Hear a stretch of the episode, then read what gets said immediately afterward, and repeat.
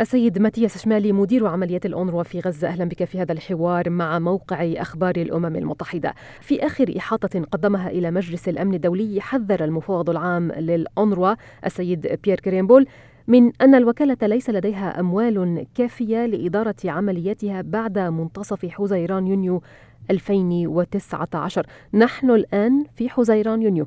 هل تشهد الأونروا أي تغير إيجابي في الأفق؟ Well, sadly, the uh, situation has not significantly حسنا. للأسف لم يتغير الوضع بشكل كبير. ما زلنا نحصد تضامنا كبيرا من الدول الأعضاء بما في ذلك خلال وجودي هنا في نيويورك. كما تعلمين وسنتحدث عن ذلك لاحقا. هناك مؤتمر سنوي لإعلان التبرعات في نهاية شهر حزيران يونيو وسنحتاج حقا إلى أن نرى تعهدات قوية بحلول نهاية حزيران يونيو. وإلا وكما قال المفوض العام سنضطر إلى النظر في بعض الإجراءات الخطيرة على صعيد عملياتنا. كيف هو الوضع على الأرض بالنسبة للناس في غزة في السياق الحالي لمظاهرات يوم الجمعة أو ما يعرف بمسيرة العودة الكبرى والعنف على الحدود بين إسرائيل وغزة.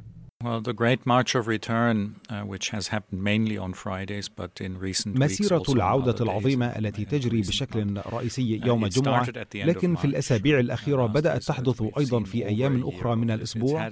لقد بدأت في نهاية شهر آذار مارس من العام الماضي، وقد مر أكثر من عام على هذه المظاهرات، وكان لها تأثير مدمر من الناحية الإنسانية.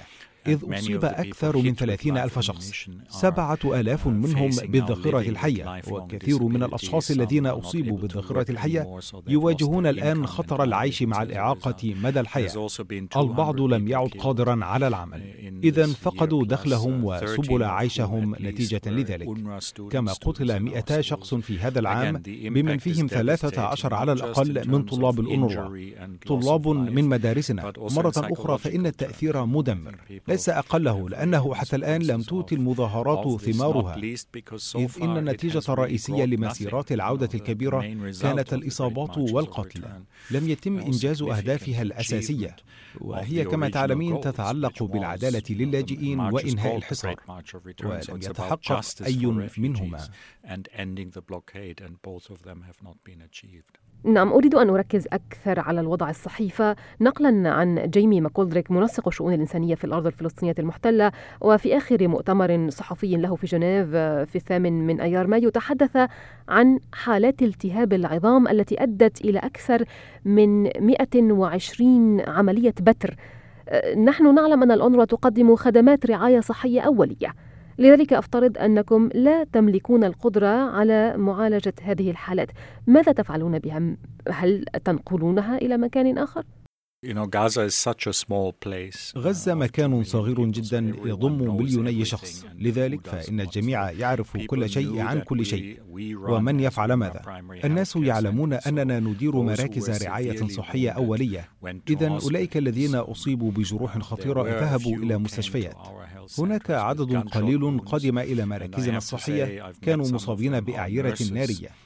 ويجب أن أقول إنني قابلت بعض الممرضين الذين قاموا بعمل بطولي إذ إنهم غير مدربين أو مجهزين لإزالة تلقات الرصاص من أجساد الناس. لكنهم فعلوا ذلك وأنقذوا الأرواح. معظم الحالات ذهبت إلى المستشفيات ونحن نقدم الرعاية ما بعد العناية التي يتلقاها المصابون في المستشفيات مثل تغيير ضمضات الجراح أو العلاج الفيزيائي الذي يعد مشكلة كبيرة بالنسبة لسبعة ألاف شخص أصيبوا بالذخيرة الحية. ونقدم أيضا الدعم النفسي.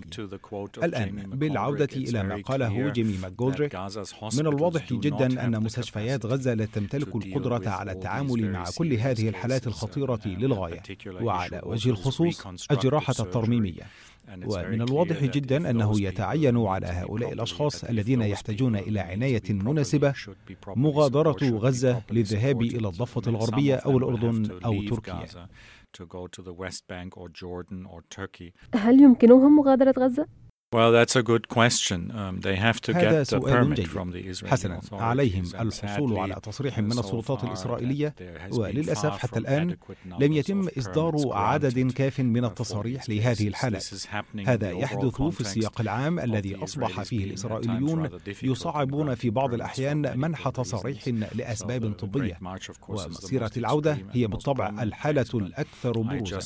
ولكن سمعت منذ أيام أن أخت زميل لنا تبلغ من العمر 53 عاما وتعاني من السرطان تحتاج إلى الذهاب بانتظام إلى الضفة الغربية للحصول على علاج السرطان.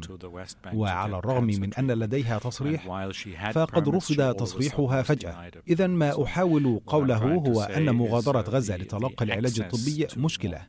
منظمة الصحة العالمية تراقب هذا الأمر بعناية فائقة وتنشر الإحصاءات شهريا. أعتقد أنه في الشهر الماضي تم رفض حوالي 40 من طلبات الحصول uh, على تصاريح 40% وهو رقم مرتفع.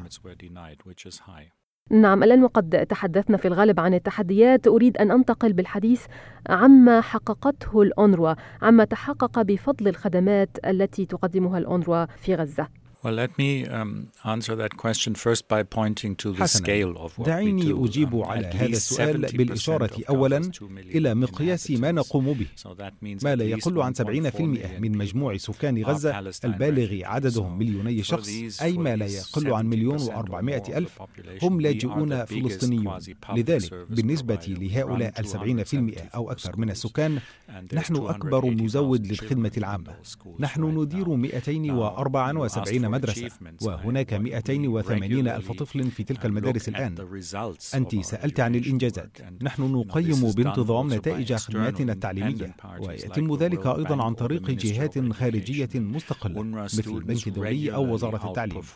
ويتفوق طلاب الأونروا بانتظام على طلاب المدارس الحكومية وحتى المدارس الخاصة. هذه إحدى نتائج خدماتنا. وهي أجيال من فلسطينيين متعلمين. أطفال لاجئون يتمتعون بتعليم معترف به قوي للغاية. والنتيجة الأخرى أو الإنجاز الآخر؟ هو عملنا في مجال الرعاية الصحية الأولية. لدينا 22 مركزا صحيا. وهناك قصص نجاح مذهلة أيضا. واسمحي لي أن أخبرك عن حالة تتعلق بطفل جاء إلينا كان على وشك الانتحار. وموظفون صحيون مدربون على معالجة جروح أو آلام المعدة أو أي شيء آخر. ولكن أيضا على اكتشاف المشكلات النفسية فتمكن الموظفون في هذا المركز الصحي من إنقاذ حياة الولد لأنهم فهموا أن مشكلته كانت نفسية وأحالوه إلى الأشخاص المناسبين. التقيت بالطفل قبل بضعة أشهر وهو الآن يرسم وقد وجد فرحة بالحياة مرة أخرى. هناك أيضا العديد من القصص حول مساعدة الأشخاص المصابين بأمراض غير سارية. موظفون يقومون بعمل رائع. إذا الإنجاز هنا هو الحفاظ على اللاجئين الفلسطينيين بصحة جيدة. وهذا إنجاز كبير في ظل ظروف غزة. نعم هناك أيضا قصة أخرى سمعتها مؤخرا عن الطالبة الفلسطينية جميلة التي كتبت قصيدة عن السلام وهذه من قصص النجاح الأخرى.